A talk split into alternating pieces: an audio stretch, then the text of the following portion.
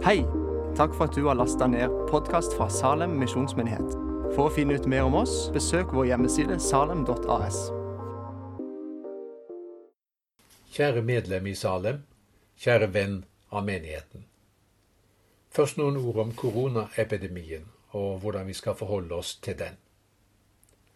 Pga. virusutbruddet bestemte lederskapet i Salem i ekstraordinært møte onsdag 11. mars å avlyse alle planlagte arrangement, store som små, i menighetens regi inntil videre.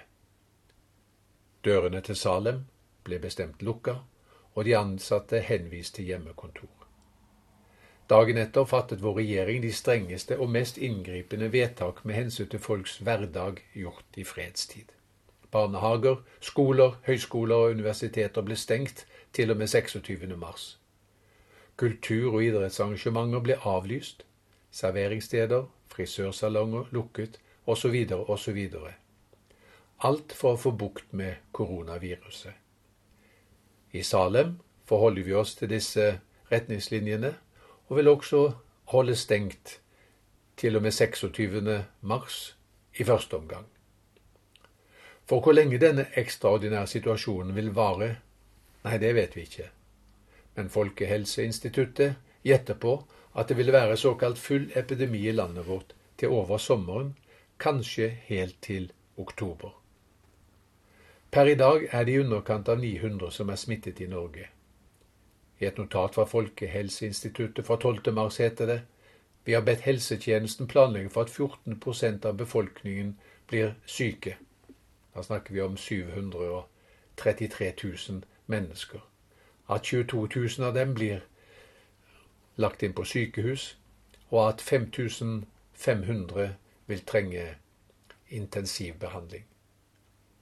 Dette er en alvorlig situasjon, og vi må alle følge disse fire rådene fra helsemyndighetene våre. Jeg skal gjenta dem for deg nå, selv om du har sikkert hørt dem før. Hold deg ren på hendene. Unngå å forurense hendene ved å ta på andre mennesker og gjenstander ute. Unngå å ta deg i ansiktet, og vask overflater som mange tar på. Hold deg hjemme hvis du får symptomer som kan skyldes covid-19, uansett hvor du har vært. Testing er ikke nødvendig. Hold avstand til andre. Jobb hjemmefra hvis du kan. Unngå forsamlinger. Hold kontakt med dine eldre slektninger og eldre venner som er mer utsatt for alvorlig sykdom. Hjelp dem hvis de ikke ønsker å gå ut. Smittesituasjonen i landet vårt betyr antagelig at vi må forberede oss på at det kan bli en stund til vi er tilbake til business as usual, også i Salem. Nå forteller kirkehistorien oss at tider som kan ha fellestrekk med det som vi nå opplever, det har Guds menighet takla godt. I Guds menighet er med gode samfunnsborgere som lytter til myndighetenes råd. Det vil vi også gjøre i denne tida. Guds menighet tar ekstra løft for andre når situasjonen krever det. Det er vi i Salem også beredt til nå. Og har man ikke kunnet møtes i offentlighet pga. forfølgelse f.eks., eksempel, har man, når vi ser på kirkehistorien, møttes i mindre grupper i hjemmene. Småfellesskapene kan etter hvert bli vår aller viktigste arena framover. Nå vil vi de nærmeste par ukene fraråde å møtes også på denne måten, av smitteverngrunner. Men så håper vi at vi kan lempe på dette, og at menigheten kan leve sitt liv i småfellesskap, i alle fall fremover. Hva skal så du gjøre som ikke er med i et småfellesskap i dag? Ta kontakt med oss, enten på telefon eller ved å sende mail til vår mailadresse post krøllalfasalem.as, så skal vi sørge for at du, når det er tilrådelig, blir med i en gruppe, enten i en som allerede eksisterer, eller i en ny. Vi er inne i en taleserie i Salem kalt Livet i ånden. Denne søndagen skulle jeg ha talt over temaet åndelige vaner. La meg nå si litt kort om det. For tiden som ligger foran oss, med de begrensningene epidemien har lagt på oss, kan også være en gyllen mulighet til å utforske nytt terreng, eller til å bli enda mer fortrolig med et landskap du kjenner allerede. På 90-tallet Da jeg studerte ved Trinity International University i Deerfield utenfor Chicago, så hadde jeg gleden av å sitte under kateteret til en kjent amerikansk professor ved navn Dallas Willard. Han er død nå, men han var i sin levetid en mentor for svært mange gjennom sin undervisning og sine bøker om åndelige vaner eller åndelige praksiser.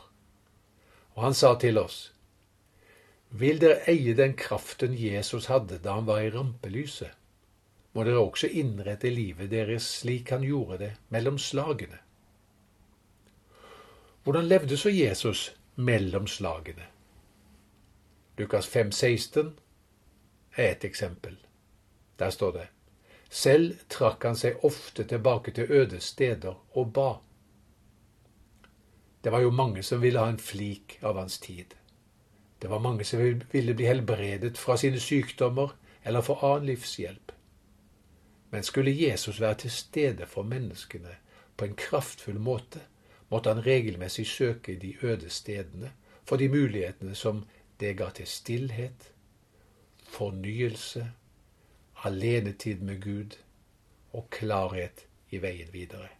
Jeg tenker, trengte han det? Hvor mye mer vi? Vi har det travelt. Ofte altfor travelt. Når når koronautbruddet legger fartsdumper i veien for oss, og livet for veldig mange av oss vil leves langsommere enn før, er dette en gyllen mulighet og en åpen dør til fordypning, duggfriske gudsmøter, fornyelse, ny åndskraft. La meg si det så sterkt jeg kan. Grip dagen. Vi trenger det, Samfunnet vårt trenger det. Så la meg da gi deg noen enkle råd på veien. Det er fastetid, og Bente og jeg leser for tiden boka Inn i mysteriet av Peter Haldorf. Det er en bok med 40 små avsnitt, beregnet for fastetidens 40 dager, fra askeonsdag til påske. Den kan vi anbefale. Den er en veiviser til omvendelse og nytt liv.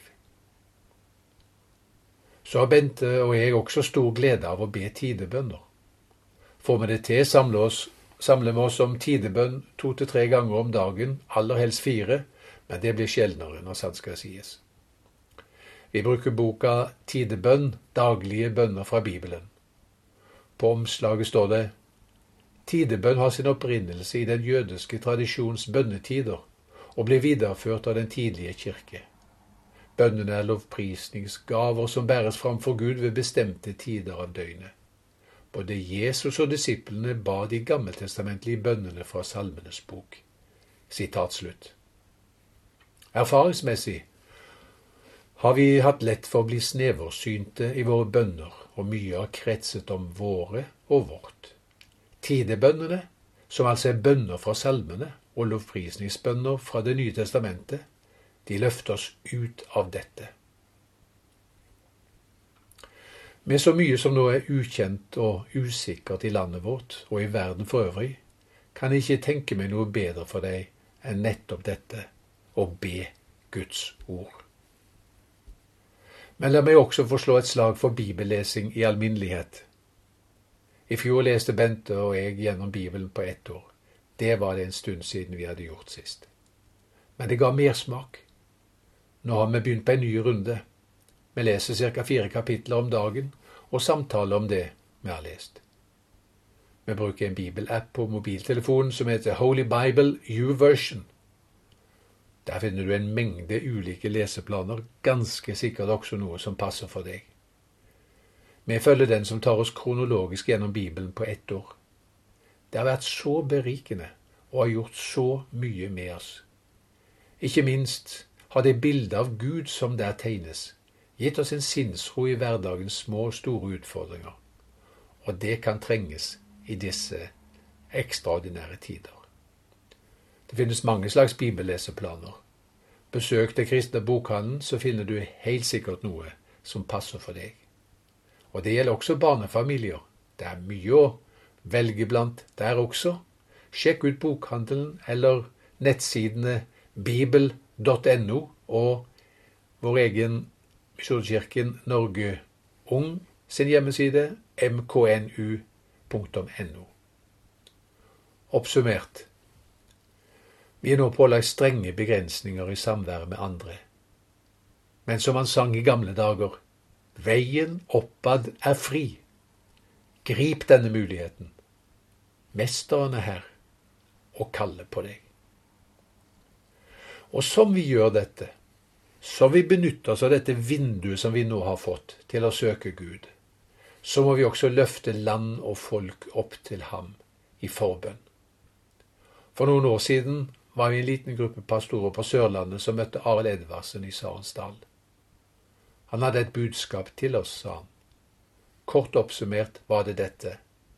En dag vil landet vårt stå overfor en ekstrem situasjon. Da må dere pastorer på Sørlandet være spesielt årvåkne, for i bibelbeltet er det mange bønnebarn. Når denne krisen oppstår, vil bønnebarna vende seg til Gud og til menighetene. Da må dere være klare til å ta imot dem. Så la oss be for våre naboer, for byen vår, for landsdelen, for folket vårt, at de i denne tida må se hvor skjørt livet når alt kommer til alt er og, for, og hvor fort det som er kjent, og det som er vant, kan bli til noe som er ukjent og uvanlig. Sånn at de kan venne seg til ham, som i Skriften kalles Klippen. Avslutningsvis.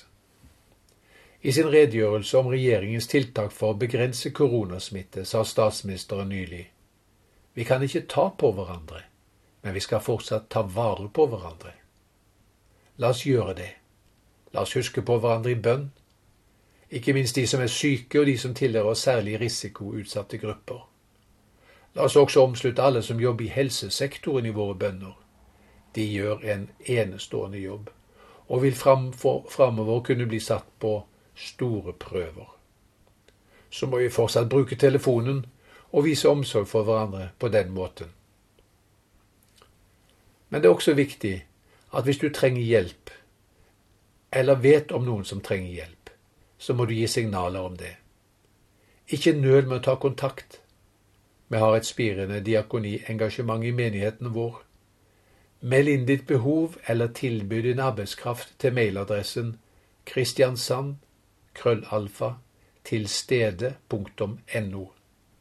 Så vil vi prøve å formidle kontakt mellom behov og de som kan avhjelpe. Med dette vil jeg i denne omgang ønske dere alle Guds fred, og så holder vi kontakten.